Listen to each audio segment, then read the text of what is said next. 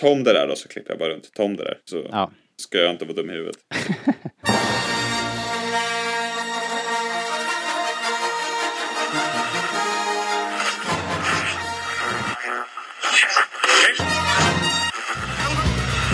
Det här är Rebellradion. Vi pratar allting Star Wars.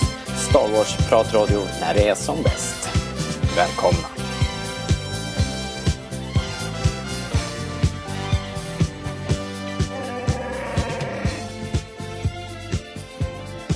Hörni, hjärtligt välkomna! Ännu till Rebellradion och eh, idag ska vi ta oss an eh, inget mindre än Empire of Dreams. Just det, ni hörde rätt. Eh, ett jävla djärvt grepp måste jag säga. Linus.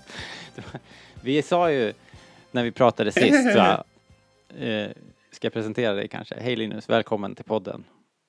Hej Linus. Jag Tack. bara, jag bara rivstartar här. Eh, Ja, Det här är ju någon sorts, kul. eh, någon sorts extension på våra filmreviews. Vi satt ju och sa att vad ska vi göra härnäst? Jo men bra idé, vi kör, vi kör um, såna här dokumentärer.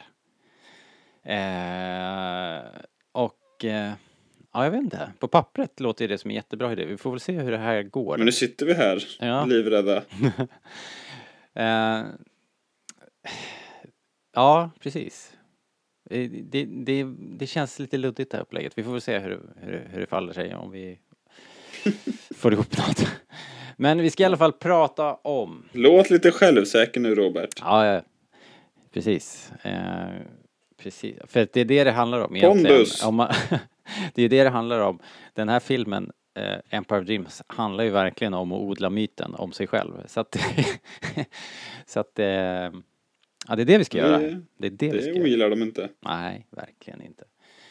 Empire of Dreams, The Story of the Star Wars Trilogy från 2004 av Kevin Burns.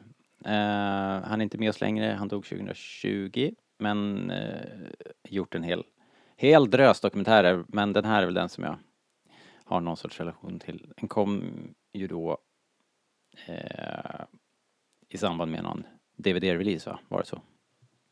Och de släppte väl hela gamla trilogin på DVD. Eh, kanske inte var för första gången, men det var någon sorts box i alla fall de dunkade ut. Och då satt det väl fint med en liten dokumentär. Jag trodde, väl. jag trodde att jag hade den här på disk i just en DVD-release men jag kunde fan inte hitta den så att jag, just den här releasen har jag väl inte då antar jag. För jag antar att den här släpptes med boxen. Måste den ju ha gjort då. Ja, den är med i ja, någon sorts extra materialsskiva. Ja, ligger den på. Känns som jag har haft den i hyllan vid något tillfälle. Men har, man, ah, man har ju så mycket grejer. Sen fick du barn som förstörde dem. Eh, ja, jag, jag har pratat, jag har sagt så mycket konstigt om Jakob de senaste poddarna så jag får ligga lite lågt på barn, barnbashingen. Du har ju två andra barn du kan basha. De har inte tagit illa upp än. Nej, men de fanns ju knappt då. Så det är tveksamt ändå. Ja, ja, men, ehm, men det här är ju ändå någon sorts, det är ju en riktig mastodont den här. Den är ju två och en halv timme lång och spänner över Alltså igen, den, den går ju väldigt detaljerat igenom åtminstone episod 4 och 5. Eh, upplev, eh, upp, Episod 6 är lite så här, just det. eller hur? Det, det känns som att de hastar förbi det. Det är inte alls mycket där egentligen. Och inte så mycket... kan man väl förstå på ett sätt lite, men Ja, det, är också lite weird. Det är mycket man vill veta som man inte vet om Episod 6 känner man när man har sett klart den lite sådär. Ja, vi antydde i början här att det här är ju om hela den här, om, om vi ska ta någon sorts övergripande vad vi, eh, vad filmen handlar om och vad vi, vad vi liksom tycker om filmen i stort så är det väl, det är ju den här eran och den här perioden, det har ju berättats i många dokumentärer förut och det finns ju så här hyllmeter skrivna om just eh, George Lucas, eh, hans independent filmmaker dream och eh, skapandet av eh, Industrial Light and Magic och Skywalk Ranch och allt det här. Allt det finns med här. Så det är kanske är det som gör att ju, det häftigaste och det smaskigaste materialet om man vill odla myten om just Lucas och vad han åstadkommit och allting, då är det ju den där första perioden när, när liksom han satsar allt och vinner stort liksom som är som är matigast. Och när vi kommer fram till eh, slutet av eh, eh, Return of the Jedi så så är ju de mesta bitarna på plats ändå, och även om alla filmerna, hela, det är det som är så märkligt med George, att han har ju alltid satsat allt liksom, så fort det ska göras någonting, så han har ögonen på något nytt stort projekt han vill realisera och då måste han, för att få, få det, så måste han satsa allt han har i princip liksom. Så att se den här cirkeln bara upp, liksom upprepas gång efter annan, men ja, det är väl den, den delen av historien är redan berättad och därför upplever man kanske som att det blir ganska lite berättat kring Jedi i just den här dokumentären. Ja, det blir någon sorts origin story om Star Wars. Eh, slarvigt uttryckt kan man väl säga. Typ. Ja, men lite. Men eh, det ska vi väl också ha med oss innan vi sätter tänderna i dokumentären att det här är en dokumentär om inte gjorda av så åtminstone godkänd och släppt av de som ja, de det handlar om så att säga. Ja, ja, Eh, absolut. så man ska tänka lite kritiskt till den. Men eh, det finns ju såklart jättemycket godis ändå. Eller Mm. ändå, det är klart, det kan du göra ändå. Eh, men ni förstår nog vad, vad, vad vi menar lite. Och jag tror att vi båda gillar den. Men vi får väl se. Vart vi landar om ja, 57 minuter eller något. Ja. Eh, ja, precis. Ska vi... mm, Ja, men ska vi börja kolla då helt enkelt?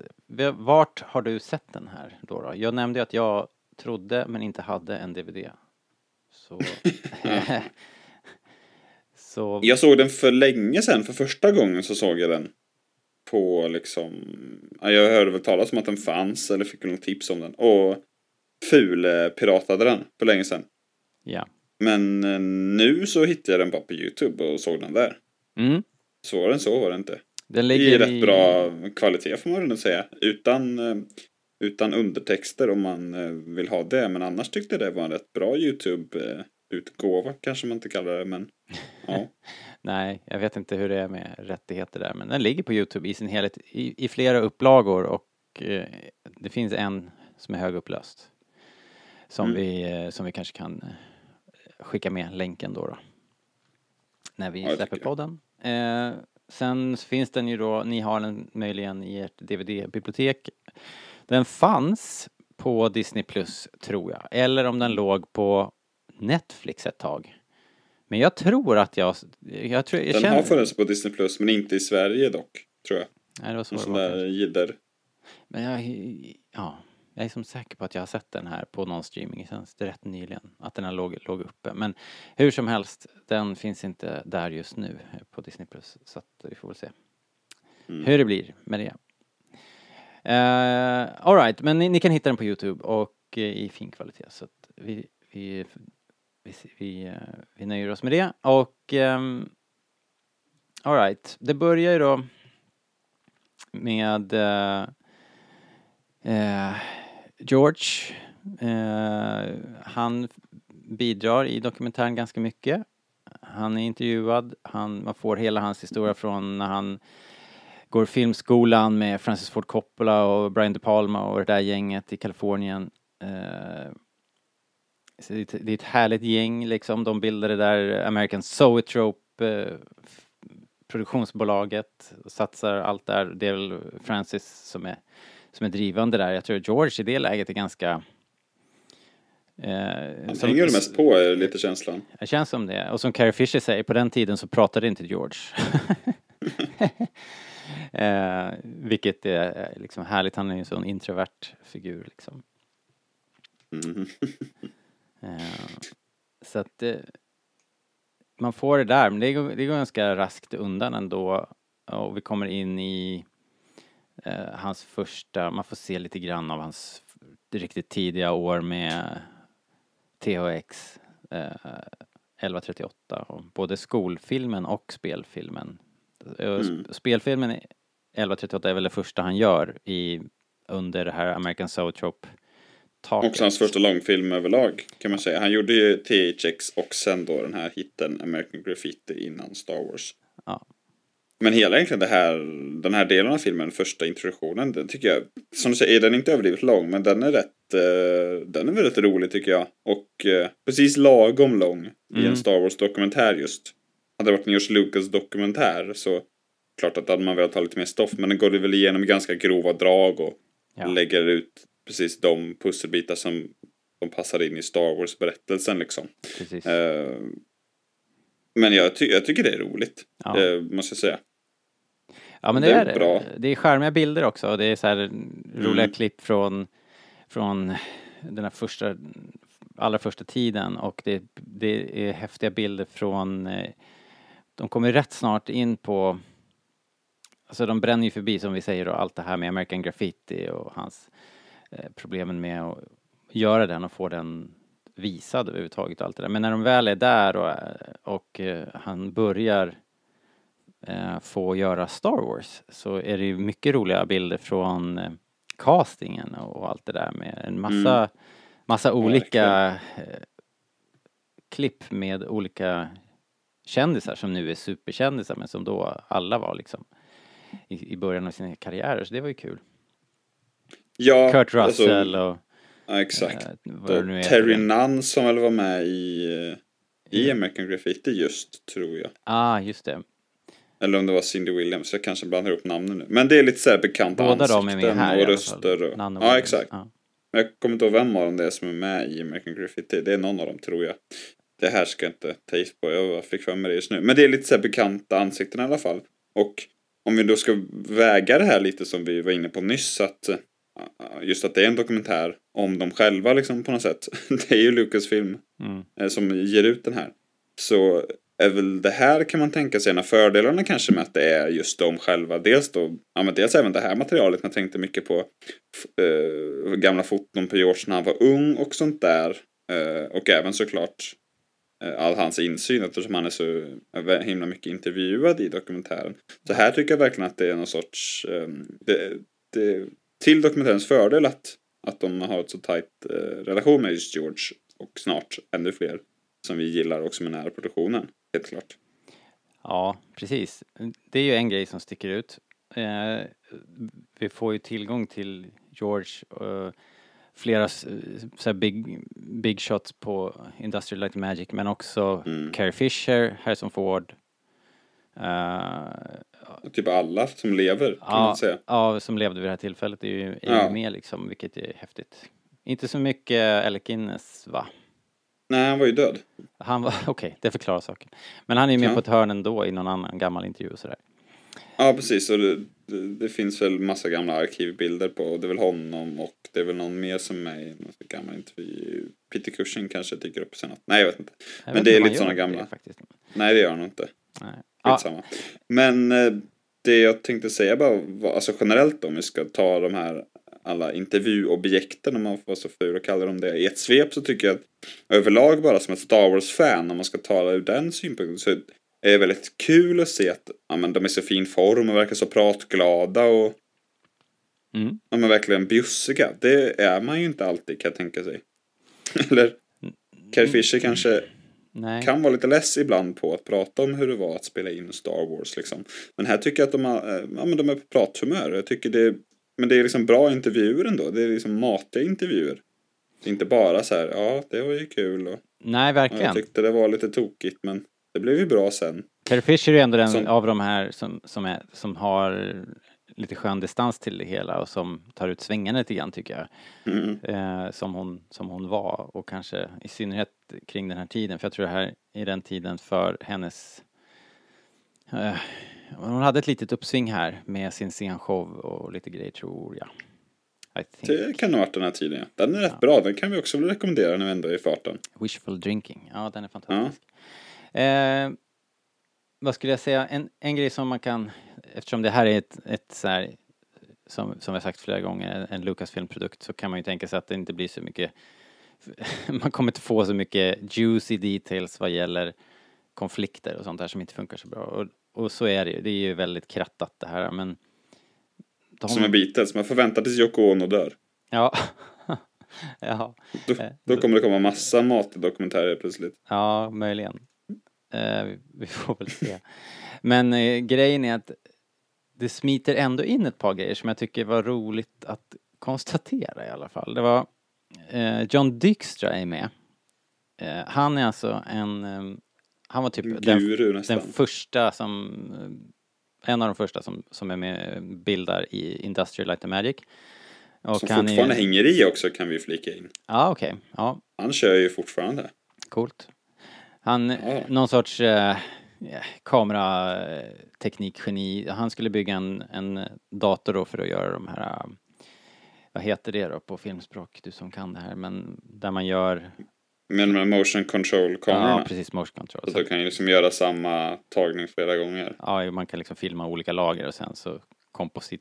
Precis. Ihop, Och det, att man- det det gör då för alla som inte vet exakt är att om de liksom spelar in samma sorts kamerarörelse flera gånger så kan de liksom lägga dem på varandra så kan man liksom kan ju filma skeppet en gång och asteroiden en gång och Ja.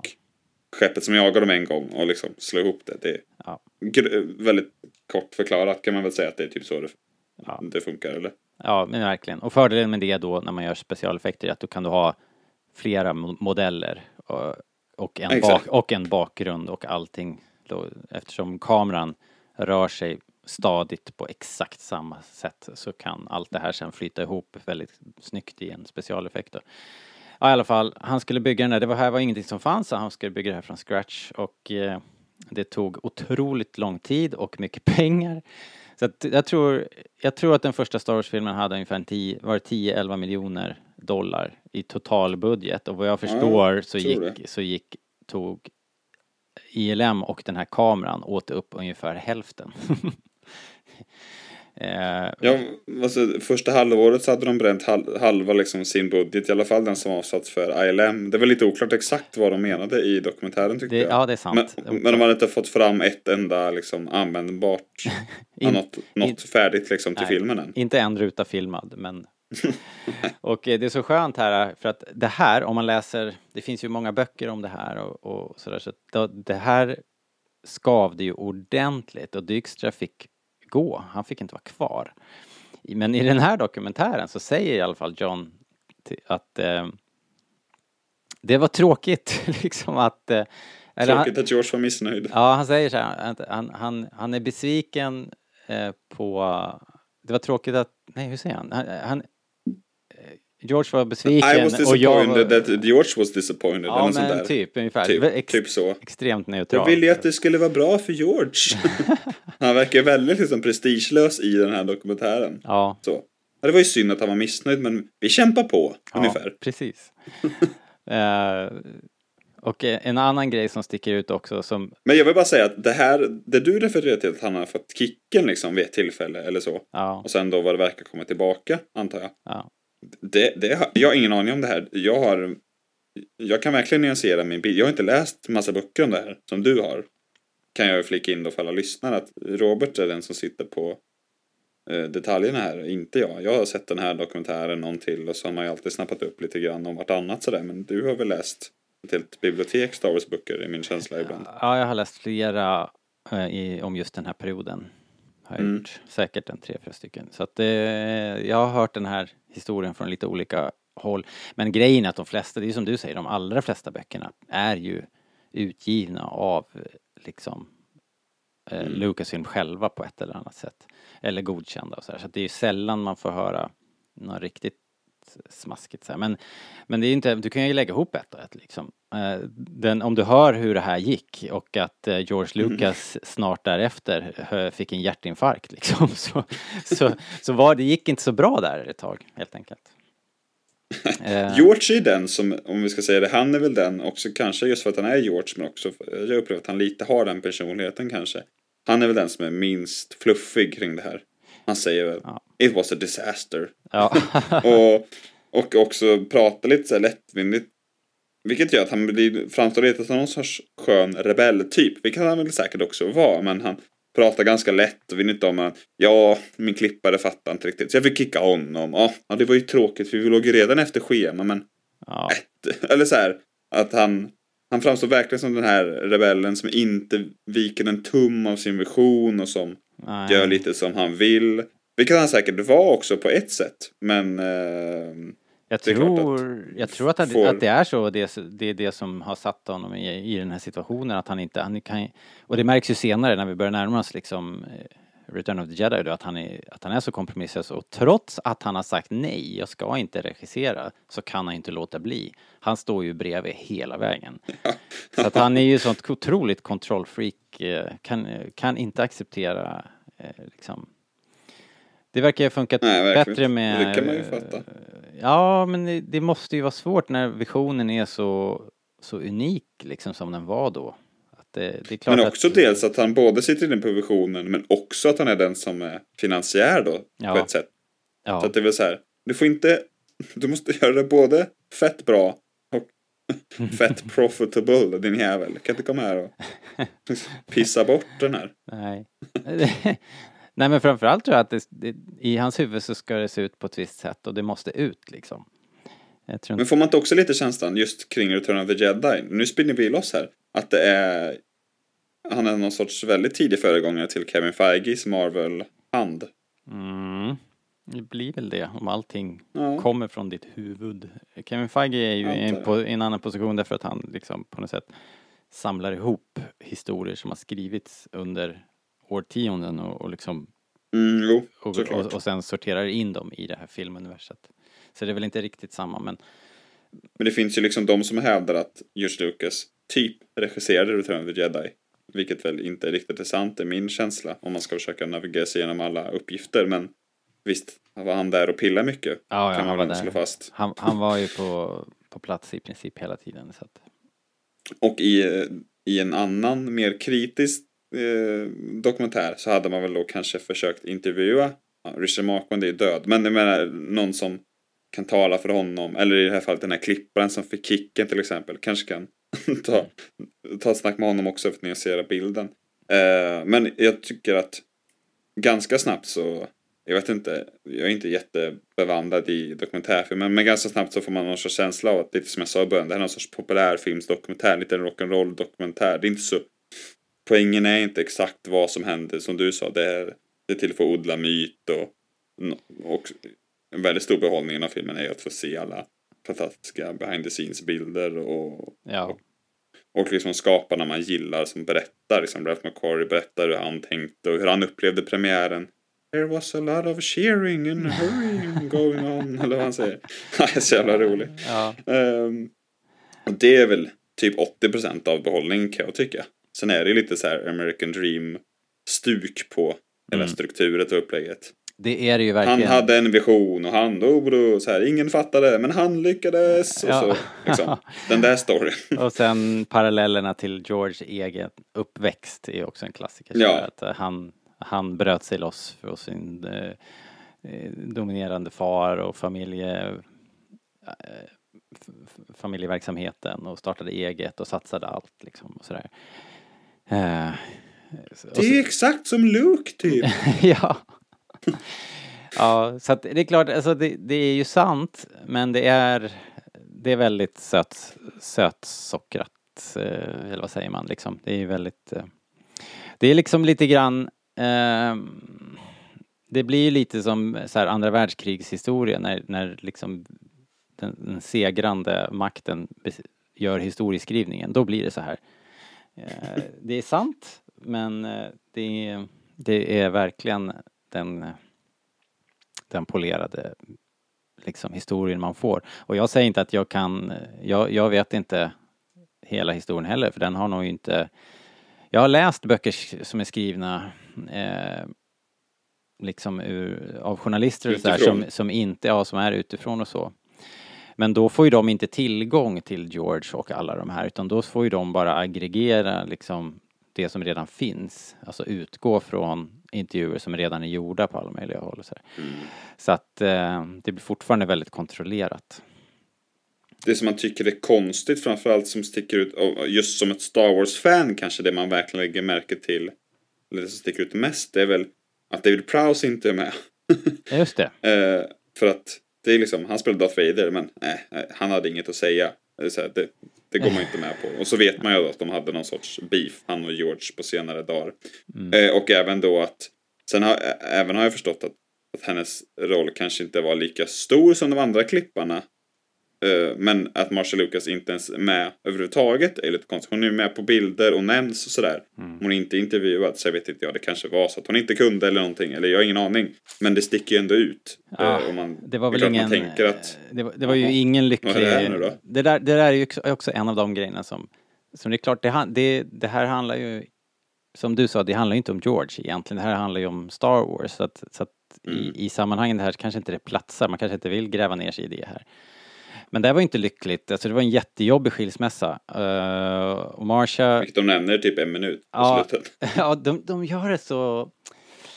Det är verkligen ett nålstick. Eh, Lite tvunget också sådär, vad fan vi måste få med någon, Ja. någon visdom typ. Eller någon, något ur livet på slutet. Ja, hon försvinner, George blir kvar och får upp, uppfostra barnet själv. Liksom. Jag vet inte alls mycket om skilsmässan egentligen och, och huruvida det gick till. Alltså, Alltså det- jag vet typ det- ingenting om det alls. det- du verkar veta mer om det här. Ja, När men man det här... tänker mest på att hon inte är med så gör jag.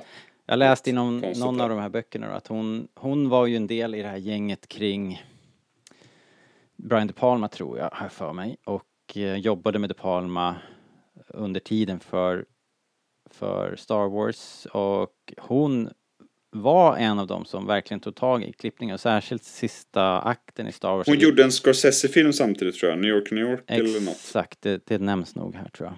Så de fick väl låna henne lite grann. Men var det framförallt de här andra som klippte. Som jag, eller gjorde det mesta i alla fall. Ja, Så, så som jag har förstått det. Sen så klippt, hon är ändå, hon har ändå klippt så mycket att hon är creddad av en Oscar. Men det känns ju som att det var de två som gjorde det mesta ändå, är min känsla, eller? ja, det är möjligt. Men jag, jag, jag är ganska säker på att det är hon som har knoppat ihop själva attacken på dödsstjärnan. Och Ja, fått, fått okej. det att funkat liksom. Eh, så Ja, hon... då förtjänar hon ju alla Oscar som finns. Ja, så jag tror verkligen att det, det finns det, det finns anledning att ge henne all cred för det. Sen att det skar sig ja, mellan dem, liksom det var ju, han, han var ju mitt uppe i, i det där, hade satsat hela, alla pengar liksom. Var djupt skuldsatt och eh, det gick inte bra liksom. Så man kan ju tänka sig att det, han, han var inte jätterolig just då säkerligen. Eh, och hon eh, eh, ja, hon lämnade honom. Hon, jag tror, ja, jag, jag ska inte svära på det här, men jag tror att det var så att hon inledde en relation med någon hantverkare på, på Skywalker Ranch. Så det var inte så jävla snyggt heller. Det kan ju bli dålig stämning. Det blev lite dålig stämning. Ranch, förstår man ju. Det blev lite dåligt. Det, det som skulle vara en sån, Kommer någon praktikant där det som skulle vara en sån härlig, fru liksom. det skulle vara en sån här härlig och kreativ miljö. Då kan man ju liksom inte ha sex på klippbordet. Liksom. Det går Well. inte. Eller, eller är det kanske det som är härligt och kreativt?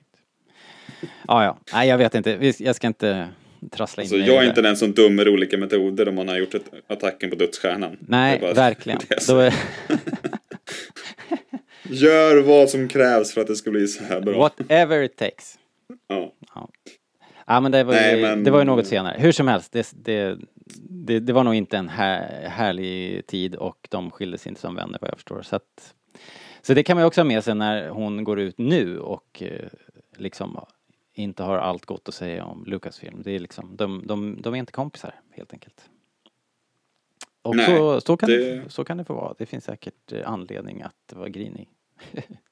Ja, ja, men det är väl, men eh, oavsett vem som har, som vi alltid pratar om när vi recenserar våra, de riktiga Star Wars-filmerna. Så att så här, ja, vem har egentligen rätt? Jag vet inte. Men det är kul att höra bådas perspektiv, hade ju varit roligt i alla fall. Ja, precis. Eh, precis. Kan man ju säga. Man kan väl tänka sig att hade det här varit någon sorts fristående dokumentär kanske hon hade dykt upp. Det har hon säkert gjort i andra dokumentärer. Ja, jag Eh, har inte och sett mycket av henne alltså. sig böcker eller intervjuer eller någonting i alla fall. Men här så nämns hon bara som att hon var med och gjorde det bra och så ser man att hon vinner en Oscar. Och sen de här andra två klipparna som jag har fått känslan av klippte det mesta då eftersom hon var upptagen på den här Scorsese-filmen för det mesta. Ja, De pratar ju, när de pratar så verkar det som att de klippte liksom i par ja själva. Har man precis. fått känslan av. Och att hon klippte ja, när hon kunde typ. Ungefär. Men jag vet inte. Det är vad, man, vad jag uppfattar av just den här dokumentären i alla fall. Ja, just det. Paul Hirsch och Richard Chew heter de där två. Exakt. Eh, och det där var ju ja, intressant. De, de, eh, de kramade ju verkligen ur allt de hade ur materialet också. Man förstår att de använde varenda, var, varenda vettig ruta liksom. eh, För att få roligt. ihop det. Det är, det är mäktigt. När, och sen, det är det som gör att det här blir sån jäkla success story. Dels är ju filmen i sig i princip perfekt liksom eh, ur en berättarteknisk kontext, Mm. där liksom eh, det här med the hero's journey och allting.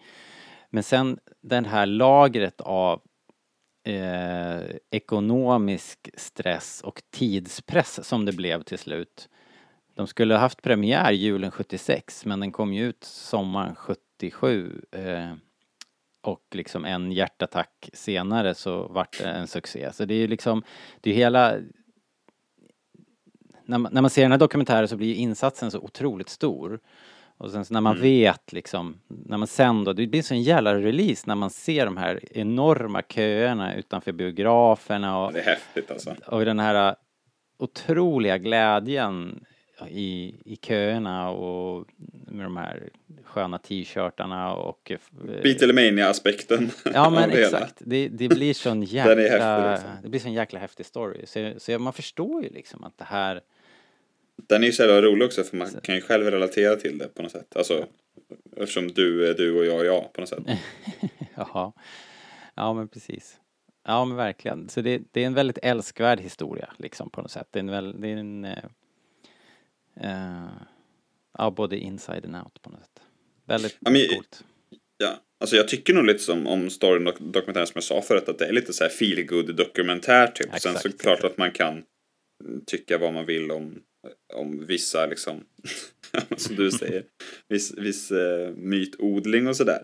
Men eh, det känns lite sekundärt faktiskt. Och sen så det finns också någon charm med mytodling. Ja, eh, ja. Tycker jag. Man tar det lite med en nypa salt så här när de drar på med någon så här skröna. Men det är ändå kul liksom.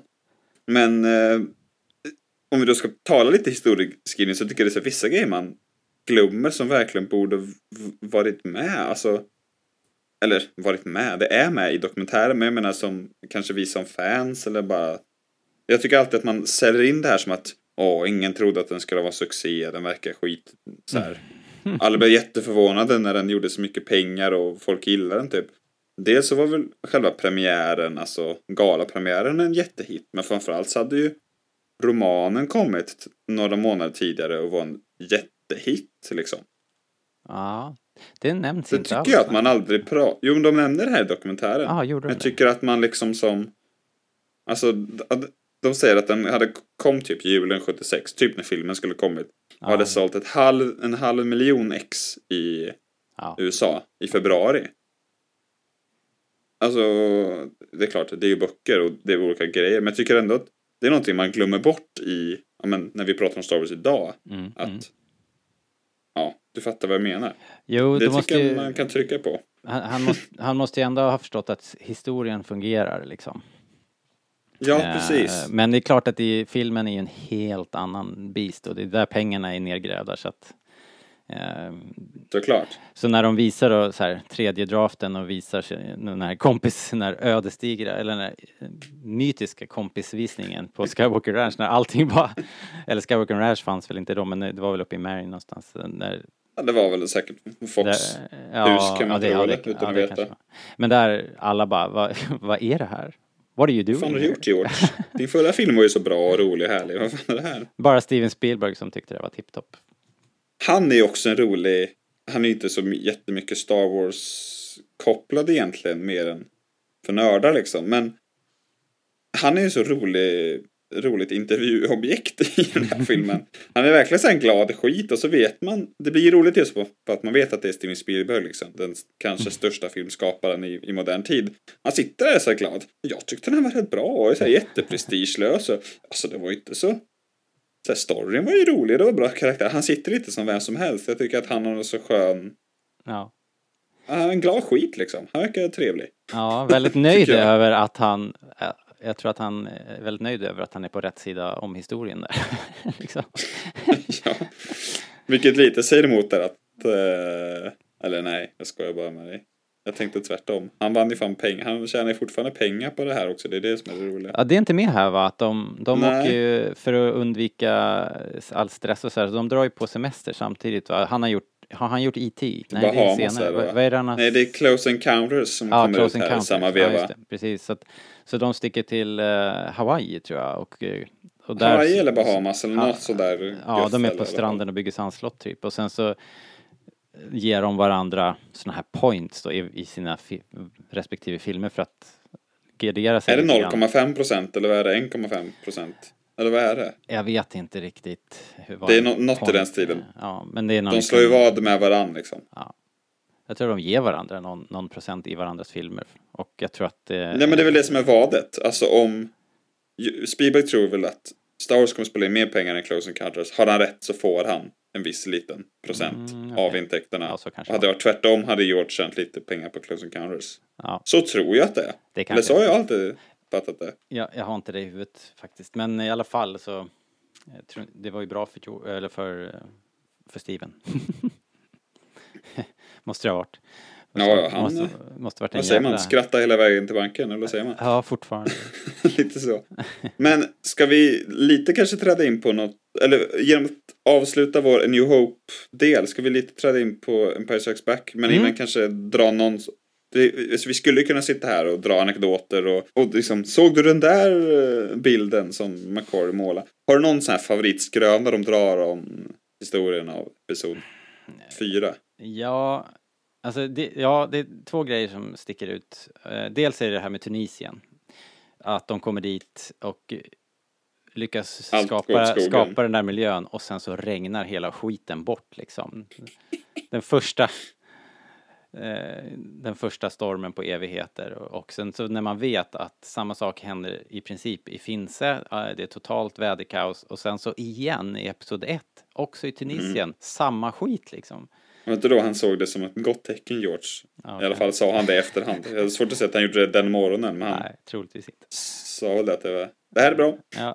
Han sa du. Var bygg själv då, George. Ja, det, det är ju häftigt. Eh, Men sen, vad var det mer jag hade tänkt?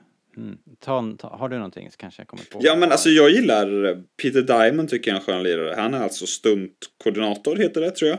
Mm. Och han drar ju, han, han, ja. Det var ju inte jättemycket tuffa stunts i första filmen men han fortsätter på de andra också. Men han, han drar framförallt en skön story tycker jag om när eh, han säger We, eh, we couldn't afford stunt doubles. han är ju väldigt energisk också. Han tycker det är jätteroligt att prata. Han är hur härligt som helst. Och så drar han storyn om när eh, Luke och Leia ska liksom svinga sig över det här. När bron inte fungerar där på dödsstjärnan. Det är Ja. ju mäktig, mäktig bit i filmen för övrigt. Bra inte det?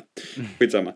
Men så drar han någon sorts eh, skröna för, för Mark ville jättegärna göra det själv så ska han liksom lära honom och så visar han och typ när han visade så gick typ selen sönder på något sätt.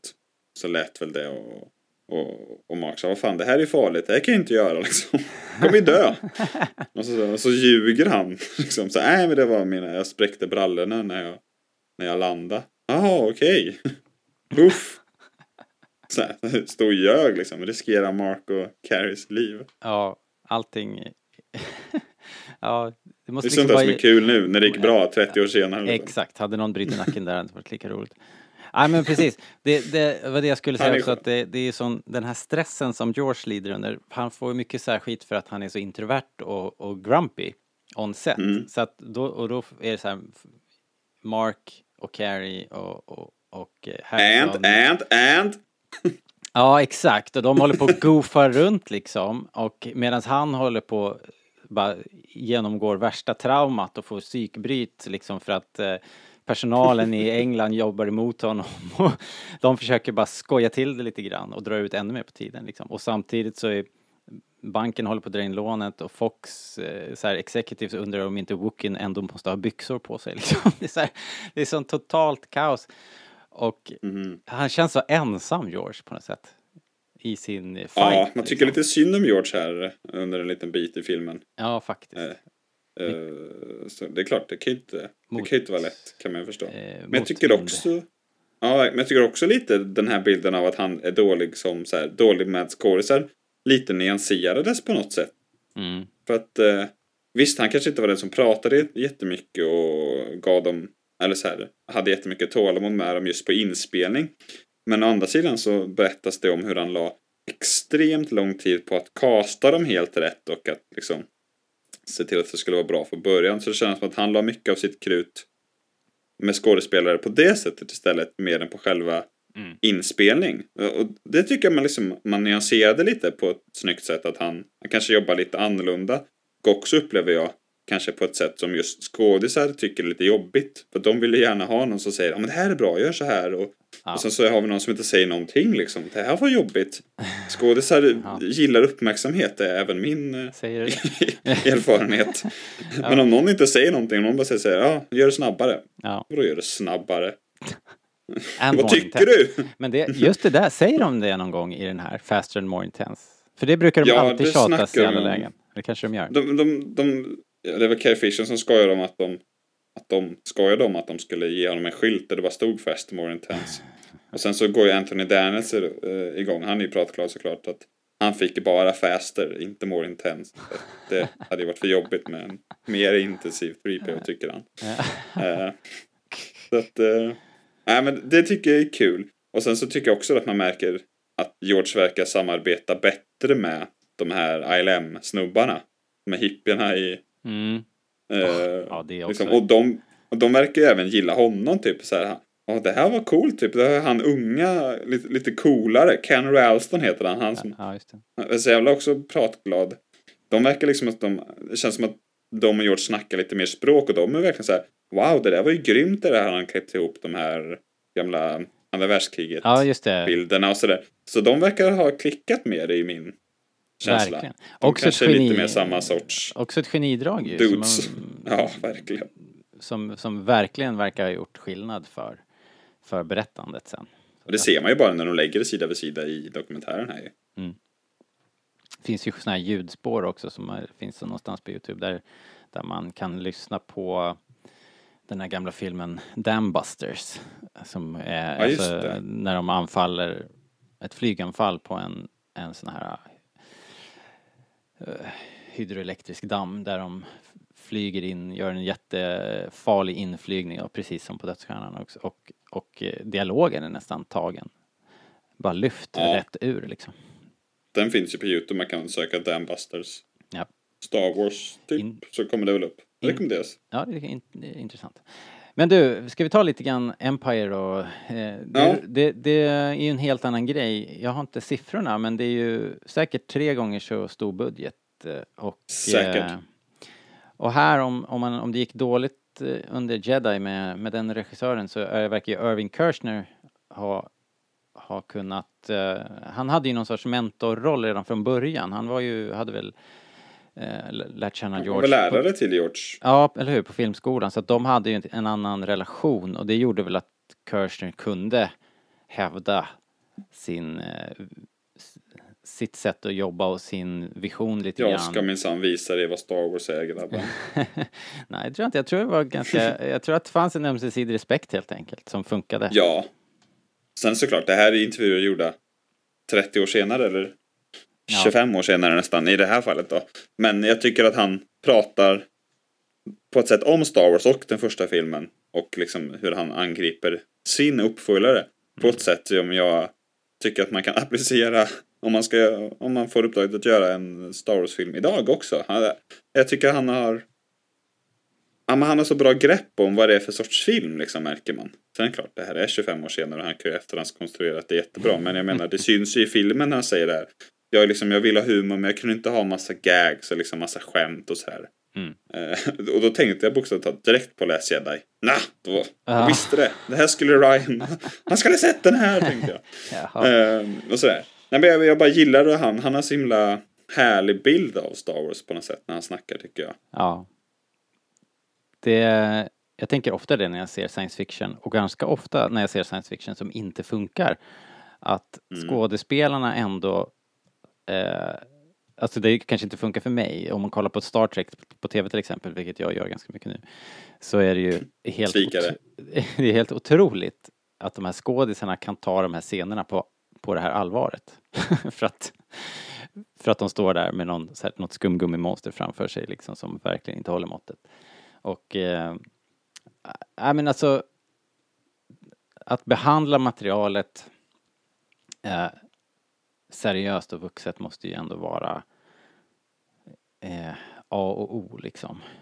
Men också liksom så här att våga äga det lite. Det är Ja, inte det att precis. det liksom gör det till den mest liksom, dramatiska Oscarsfilmen liksom, utan det är mer att man bara gör det genuint på något sätt. Ja, man tror För på det det. är ofta kan sakna, ja men precis att, att våga göra det här på riktigt. Det, att liksom se publiken i ögonen lite, för det kan jag ju sakna kanske lite med modern actionfilm. Alltså det som är lite inne just nu, att det ska vara det är lite så här självmedvetet. Äh, vi tar oss inte på stort allvar och vi driver lite med oss själva. Ja, det, är lätt, stuket. det är lätt att hamna där tror jag.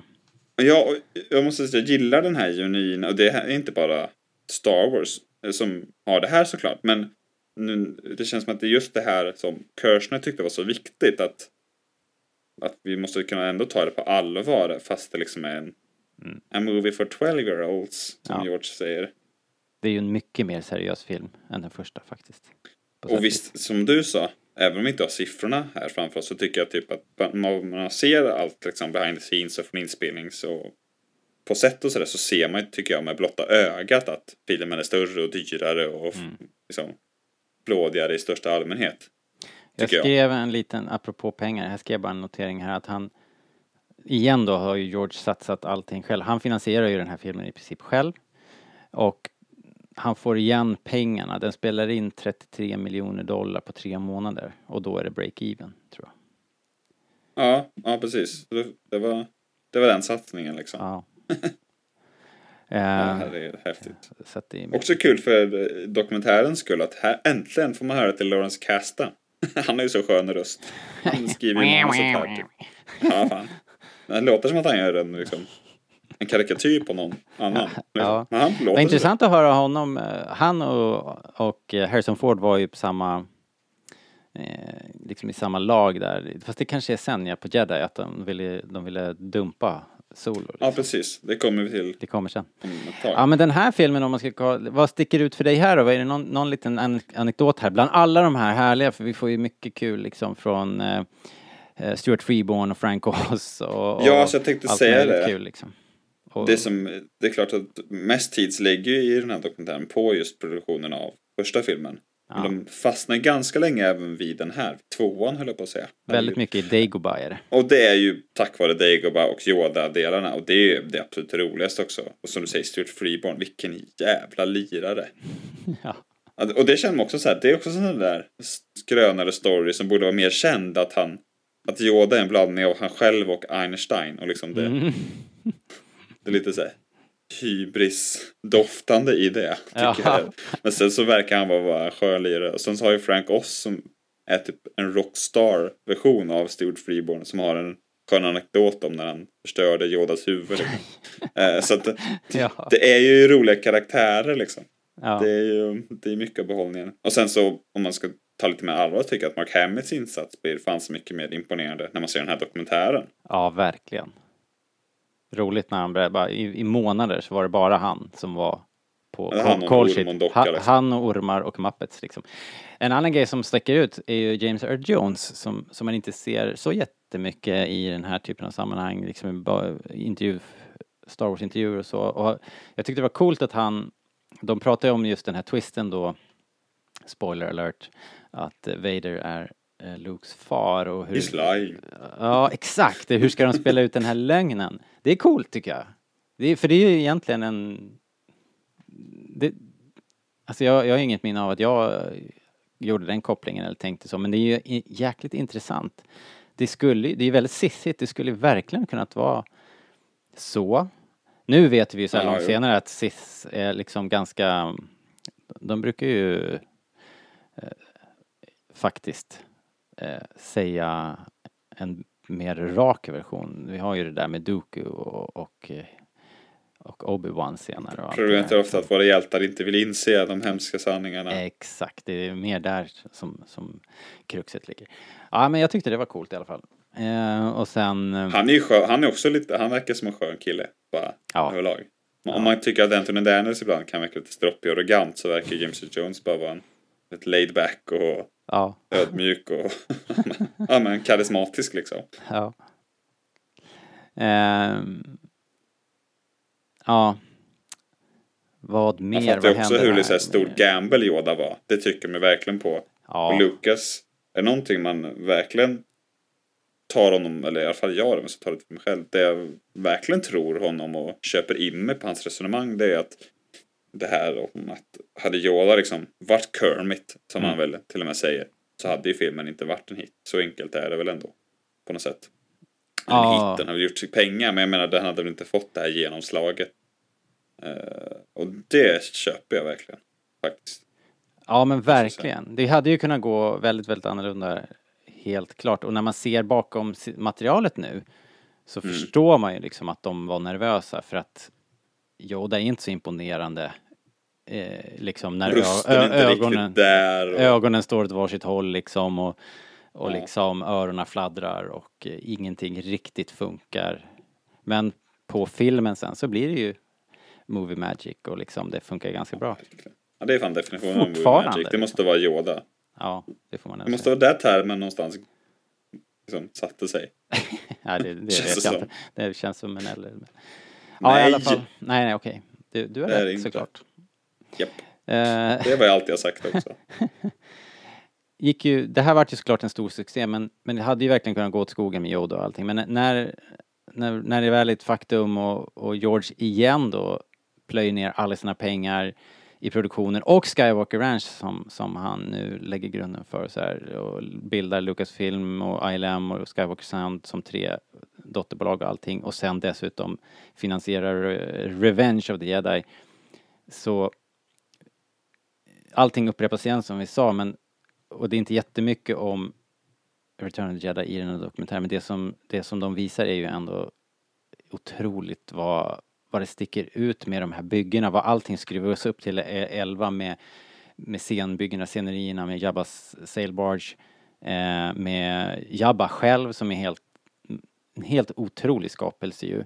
Och, eh, och eh, vad heter den, Rancorn och eh, Sarlacc och allting liksom. Det är sånt, det är sånt skala på allting. Eh, Det Ja, verk- det nästan ut otroligt. tycker jag. Den, det reagerar jag på med Return of the Jedi. När man såg de behind the scenes grejerna. Jag tycker att Empire och A New Hope känns fortfarande ganska, alltså om vi ser det idag känns ganska liksom man ser att det är en gammal film på något sätt. Och, och så, men när man ser Return of Jedi så tycker jag att det ser ut som att det skulle kunna vara Force Awakens foton liksom, på något sätt.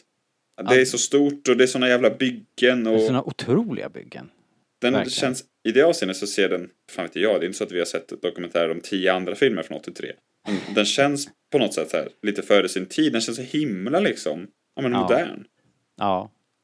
Eh, Jo men alltså, Empire är ju fantastiskt och de gjorde ju enorma framsteg i på Industrial Light and Magic just med det här med datastyrningen av kameran och allt det där. Det, har ju, det ser man ju att det, där har det gjort ett, ett enormt hopp på de där tre åren. De har ju Det är jävla skillnad på modeller i Empire och New Hope. Ja, och, och kanske framför allt liksom hur de kan kontrollera modellerna, den här Mm. datastyrda kontrollen över modellerna är, jag menar om man ser den här jakten genom asteroidfältet som ju är, Ja, precis. som är såklart i filmhistoria. det Men, att jämföra den med flykten från dödsstjärnan, ja men precis. kan man ju Eh, fatta. Ja, och eh, allt det där fortsätter ju liksom och utvecklas förstås även i Jedi där de skruvar upp allting ytterligare. Men, men i den här dokumentären så är det ändå scen, scenbyggena som sticker ut i Jedi jämfört med Empire. För Empire är fortfarande, jag menar, Dagobah, det är fortfarande i en studio och, de är där på strandkanten Precis. ganska mycket och sen så är det molnstaden, det är också ganska closed. Och det är ganska klart, den är ju väldigt mycket inspelad på Elstree Studios. Ja, det är Den liksom är rum och korridorer. Det kunde ha varit vilken sci-fi som helst. Men, Ja men men Jedi, det är, det, är, det är en helt annan grej faktiskt. Den är verkligen större i allt. Ja, det känns så. på något sätt. Ja, den, den, det är verkligen det häftigaste från den här lilla, lilla 25 minuter vi får om Return of Jedi eller vad det nu kan vara. Det och Warwick Davis som kommer in som en frisk fläkt på slutet. Ja, Han är Ja, för gullig ja och verkligen. rolig och, och ja men Kul där, jag vet inte om jag hade uppfattat, scenes. eller jag kanske hade vetat det men glömt att han liksom fick chansen att göra eh, liksom Wicket för att eh, eh, vad heter han? Kenny Baker Kenny Baker var magsjuk. var tvungen att baja. Ja. eh, det var ju coolt. Men det har, det har jag nog hört. Och vi ser ju här också bilder på Kenny Baker i kostym. Mm. Så min gissning är väl att han i någon annan scen fick spela någon av de andra liksom. Jo, utan att det, veta. Det gör han väl. det gissar tror jag. bara. Jo, men det tror jag. Men, men eh, däremot om vi ska prata om det här med liksom historieskrivning och vad som egentligen är sant och inte. Det är väldigt svårt att tro att, att eh, vad heter han? Warwick Davis mormor hörde liksom en radioannons om att vi söker skådespelare till nya Star Wars.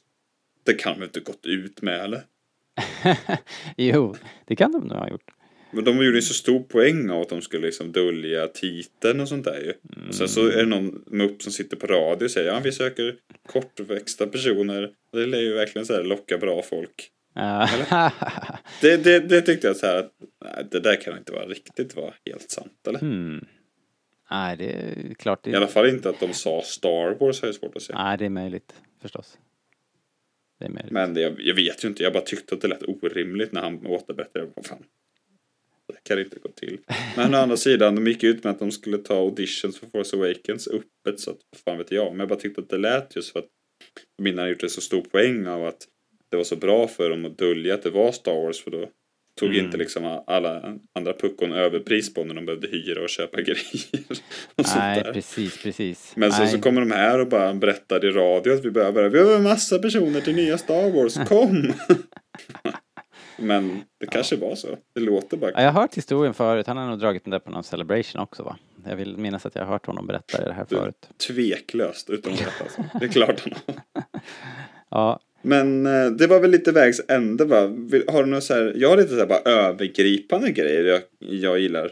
mm, eller höra. ville lyfta, men som inte kanske inte är. Eh, lite bortglömd Star Wars-hjälte tycker jag Alan Ladd Jr är, som man pratar Ja, lite verkligen. för lite om. Han verkar vara skön lirare och som också då sa upp sig just efter Empire för att det blev det jävla eh, jiddret med alla, vad var det, Directors Guild och Ja, precis. Screenwriters Guild eller vad det heter. Det var lite luddigt och oklart i dokumentären exakt hur det låg till, men det verkar varit jävla jidder i alla fall. Eh, Det tyckte, det reagerade jag vid.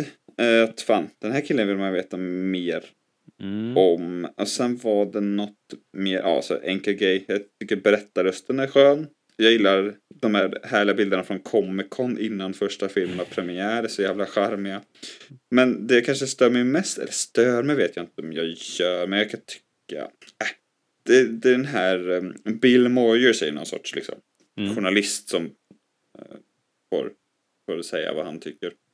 Han pratar ju om så här, något timingen av Star Wars. Hade man släppt det tidigare så då blir det Buck Rogers. eh, Vilket inte riktigt är sant, men jag fattar vad du menar. och liksom att den var upplyftande och framåtblickande liksom efter Vietnam. Mm. Det var därför den var så bra och blev en sån hit. Sen är det klart, jag vet inte exakt vad frågan han fick var. För det är klart, vi hör ju inte frågorna. Vi, vi får ju bara se att de sitter och svarar liksom och berättar. Mm. Men och det kan väl säkert vara sant på ett sätt att liksom USA var nere i någon sorts nationell kollektiv depression. Det är mycket möjligt. Det vet kanske du mer om än jag. Och det kan säkert ha spelat in. Men samtidigt så känner jag också att det är totalt irrelevant. Dels så fanns, var den en hit över hela världen. Och dels så var den en hit för mig när jag var sex år. Alltså 15 år senare eller vad det nu blir. Ja, 20 år senare. Och hemma i, liksom, i, liksom, på en VHS i Skövde. Jag har ingen aning om någon sorts nationell depression. Du hade inget Vietnamtrauma Vietnam. att- bearbeta? Inte då. Ditt nu e- kanske. Du kanske hade ditt eget Vietnam att bearbeta. det var en jävla jitter på förskolan. Fan, det här behövde jag efter idag. Nej, men eller fattar du vad jag menar? Och Ja. dels så, man kan, vilket jag, jag blev lite snabbt så här, ja jävla USA-centrifierade rövhål tänkte jag snabbt. Men sen så Jävlar. tänkte jag så här, nej det kanske inte var så. Jag vet inte vad frågan var. Men jag reagerade ändå vid det att, ja jag vet inte. Nej, men jag förstår vad du Fattar menar. du vad jag menar? Men det, jo, och det, det är ju det, är det vi sa ju. Det är ju tillrättalagt och de odlar myterna sig själva och allting. Uh, Bill Moyer kan jag bara tillägga då för att rädda hans eh, ära och heder av att han i, vid den här tiden, jag tror att eh, han gjorde den här um, intervjun med Joseph Campbell. Han intervjuade Joseph, Joseph Campbell i Just det, det pratar han också om tidigt i Ja, det, det finns en lång intervjuserie. Det är möjligt att den finns på Youtube också, åtminstone i, delvis. Det finns också utgivet i, eh, som en, eh, ett radioprogram eller en ljudbok som heter The Power of Myth. Så att eh, eh, han har vissa nog lite grann om vad han pratar om i alla fall. Men jag förstår vad du menar också. Den här historien har ju ändå överlevt i 40 plus år och eh, eh, liksom trollbinder ju barn ur alla generationer. Men eh, det är möjligt Men också, att... det kanske eh, frågan kanske var, varför blev den en sån hit i, i USA? Eller inte vet jag vad frågan, men du fattar vad jag menar. Känslan, uppenbarligen var ju känslan det att det, var, det här var precis vad vi behövde när den kom. Liksom. Eh, det, var, det var kanske en, en, dyst, en dyster period och, och det var mycket, det verkade ju varit mycket polisdraman i övrigt på tv och på film så att det kanske Säkert. behövdes något mera eh, en saga helt enkelt. Ja men precis, ja, men det väl sagt, det var väl ungefär vad jag eh, hade tänkt också. Sen är det intressant att se bara i all hast liksom eh, ja, George skilsmässa och allt det där kom ju precis på slutet och sen men eh, också liksom vad hände sen liksom med Lucas Arts. Eh, det skulle man ju vilja se en, en dokumentär om Lucas Arts känner jag och eh, Ja, precis. finns. Epilogen bjuder ju bara in till nya, till uppföljare höll jag på att säga. Den finns ju inte så mycket att säga om här liksom. Nej. Men med Edit Droid, eh, han fortsätter ju den här teknikutvecklingen med klippningen och Pixar och, och allting och sen, eh, ja. Och, Ja. the och sen the sequels. Men eh, vad säger du då Tack för om, oss. om, om dokumentären i stort? Var det, Jaha. var det vi visste ju inte när vi, när vi började prata om det här riktigt hur vi skulle göra det och det, det är en, jag känner att det är ganska svårt att prata om dokumentärer därför att det är sånt kompakt berättande om något annat liksom. Jag vet inte, Nej, men det, blir, det blir det lite tårta var- på tårta kanske. Men dels då, om vi ska bara tala om hur det var att tala om det, så tyckte jag att det var ju, skrönorna och sånt där har jag typ alla hört liksom. Det är klart, man kan lyfta någon favorit typ sådär, men, men annars tyckte jag det var rätt intressant att tala, eller snacka lite kritiskt om det Mm. på något sätt. Eh, och få lite perspektiv sådär, sådär också. Kanske kan Mm. vara skönt att höra bara någon vanlig journalist snacka Star Wars. eh, istället för någon nörd på YouTube ibland också. Men Ja. eh, nej, jag, jag tycker att det är en rätt rolig dokumentär faktiskt. Och, eh, rekommenderar det faktiskt. Om man gillar Star Wars så gillar man väl den här tänker jag. På något sätt. Ja. Det, Om inte annat är det bara massa sköna bilder, liksom intervjuer. Man kan ju se den bara för det om man vill. Sen behöver man inte ta allt på, på allvar. Men så gillar man Harrison Ford så är det kul att se Harrison Ford snacka liksom. Och Carrie Fisher är rolig och Ja. Jag känner efter alla år av av den här, det finns så otroligt mycket sånt här material känner jag. Mm. Eh, men okej då, ska man bara, vill man ha allting på en gång och inte har sett eh, väldigt mycket av det här förut så då är ju den här dokumentären helt klart sevärd, även om jag tycker den är lång. Den är faktiskt två och en halv timme. Det, det är fan Ja, långt alltså. Men, eh, men, och, och det var väl det jag skulle säga om det, att det finns det finns ju dokumentärer om Star Wars minutia, alltså du kan ju hitta dokumentärer med den här typen av klipp och kvalitet som bara handlar om Jabba the Hutt, liksom. Mm. Specifikt. Eller bara om ljud, liksom, och sådär. Den här är ju någon sorts grundkurs liksom. Eller? Ja, det här blir grundkursen och introduktionen till allt det här om man nu är, vill snöa in på bakom scenerna. Och, och, och det är väl i- superintressant tycker jag. Jag tycker fortfarande att George Lucas resa är helt otrolig. Och eh, jag har otroligt svårt för folk som, som rackar ner på George för att då tänker jag att då har man inte gjort hemläxan, då har man inte förstått. Eh, Då gnäller man på dialogen i episod 1 och så tycker man Ja. att det är det liksom. Då, då har man inte, då, då har man liksom inte förstått he, hela hans gärning får man ändå säga. Eh, sen kan man inte baka in eh, all cred för allt George har gjort i varenda filmögonblick liksom, utan Nej, filmerna klart. ska ju såklart stå för sig själv, men att, att eh, man måste ändå uppskatta eh, liksom Lucasfilm och George för vad det är som en helt eh, jag vet inte om det är unikt, men det måste ju ändå vara Ja, väldigt otroligt. Eh, Han har ju ändå eh, Gjort en del. push, pu- puttat en hel bransch framför sig i, så, i årtionden på något sätt. Men det tyckte jag man... Eller jag, jag reagerar på det bara, just det du pratar om nu, att han är ju mycket mer än, som det står när han intervjuas, George Lucas, filmmaker. Jag bara, jaha. Jag hade kunnat skicka in 20 andra ord där liksom. Men eh, absolut, det är klart, han gör ju film. Mm. Men eh, nej, men det är väl någon sorts lite mer, inte, den är väl ganska mainstream för att vara en dokumentär om hur Star Wars blev till liksom.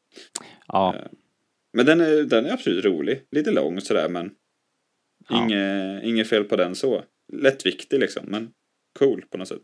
ja, härligt. Härliga bilder.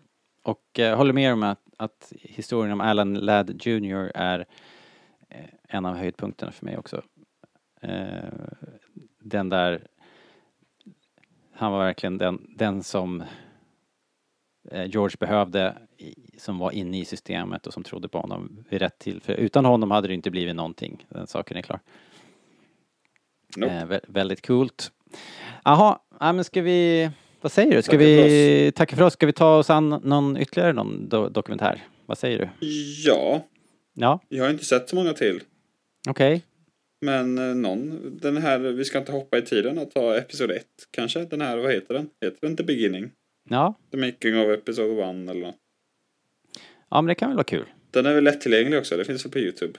Den finns på Youtube, den finns på, undrar om inte den ligger på Det gör Blu-ray-materialet den också. också tror jag. Kanske. Men den är lätt för alla att se i alla fall. Om man eh, vill hänga med. Yes. yes, yes, yes.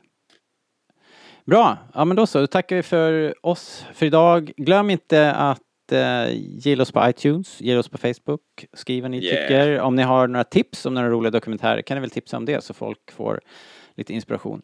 Eh, och eh, just det, eh, sen kanske jag ska säga att vi vi kommer inleda ett litet samarbete med sci-fi-toys.se. Kommer vi? Det kommer vi. Eh, Så ni får hålla ögonen öppna helt enkelt. Det kommer komma lite mer information, kanske lite roliga tävlingar, lite fancy prices, eh, hoppas jag. Och ehm, det blir kul. Så håll ögonen öppna. Sci-fi-toys.se, de finns på, ja, överallt på nätet. Kolla, kolla in dem, de är roliga. De har, de har jättemycket eh, Star Wars-grejer och till eh, schyssta priser faktiskt, måste jag säga. Så jag är glad att vi får, right. eh, får leka med dem en stund. Eh, det om det och vi... Ja, vi Tackar hörs, för oss. Tack för oss och hörs snart igen då. Ha det bra Linus! Hej då! Hej då!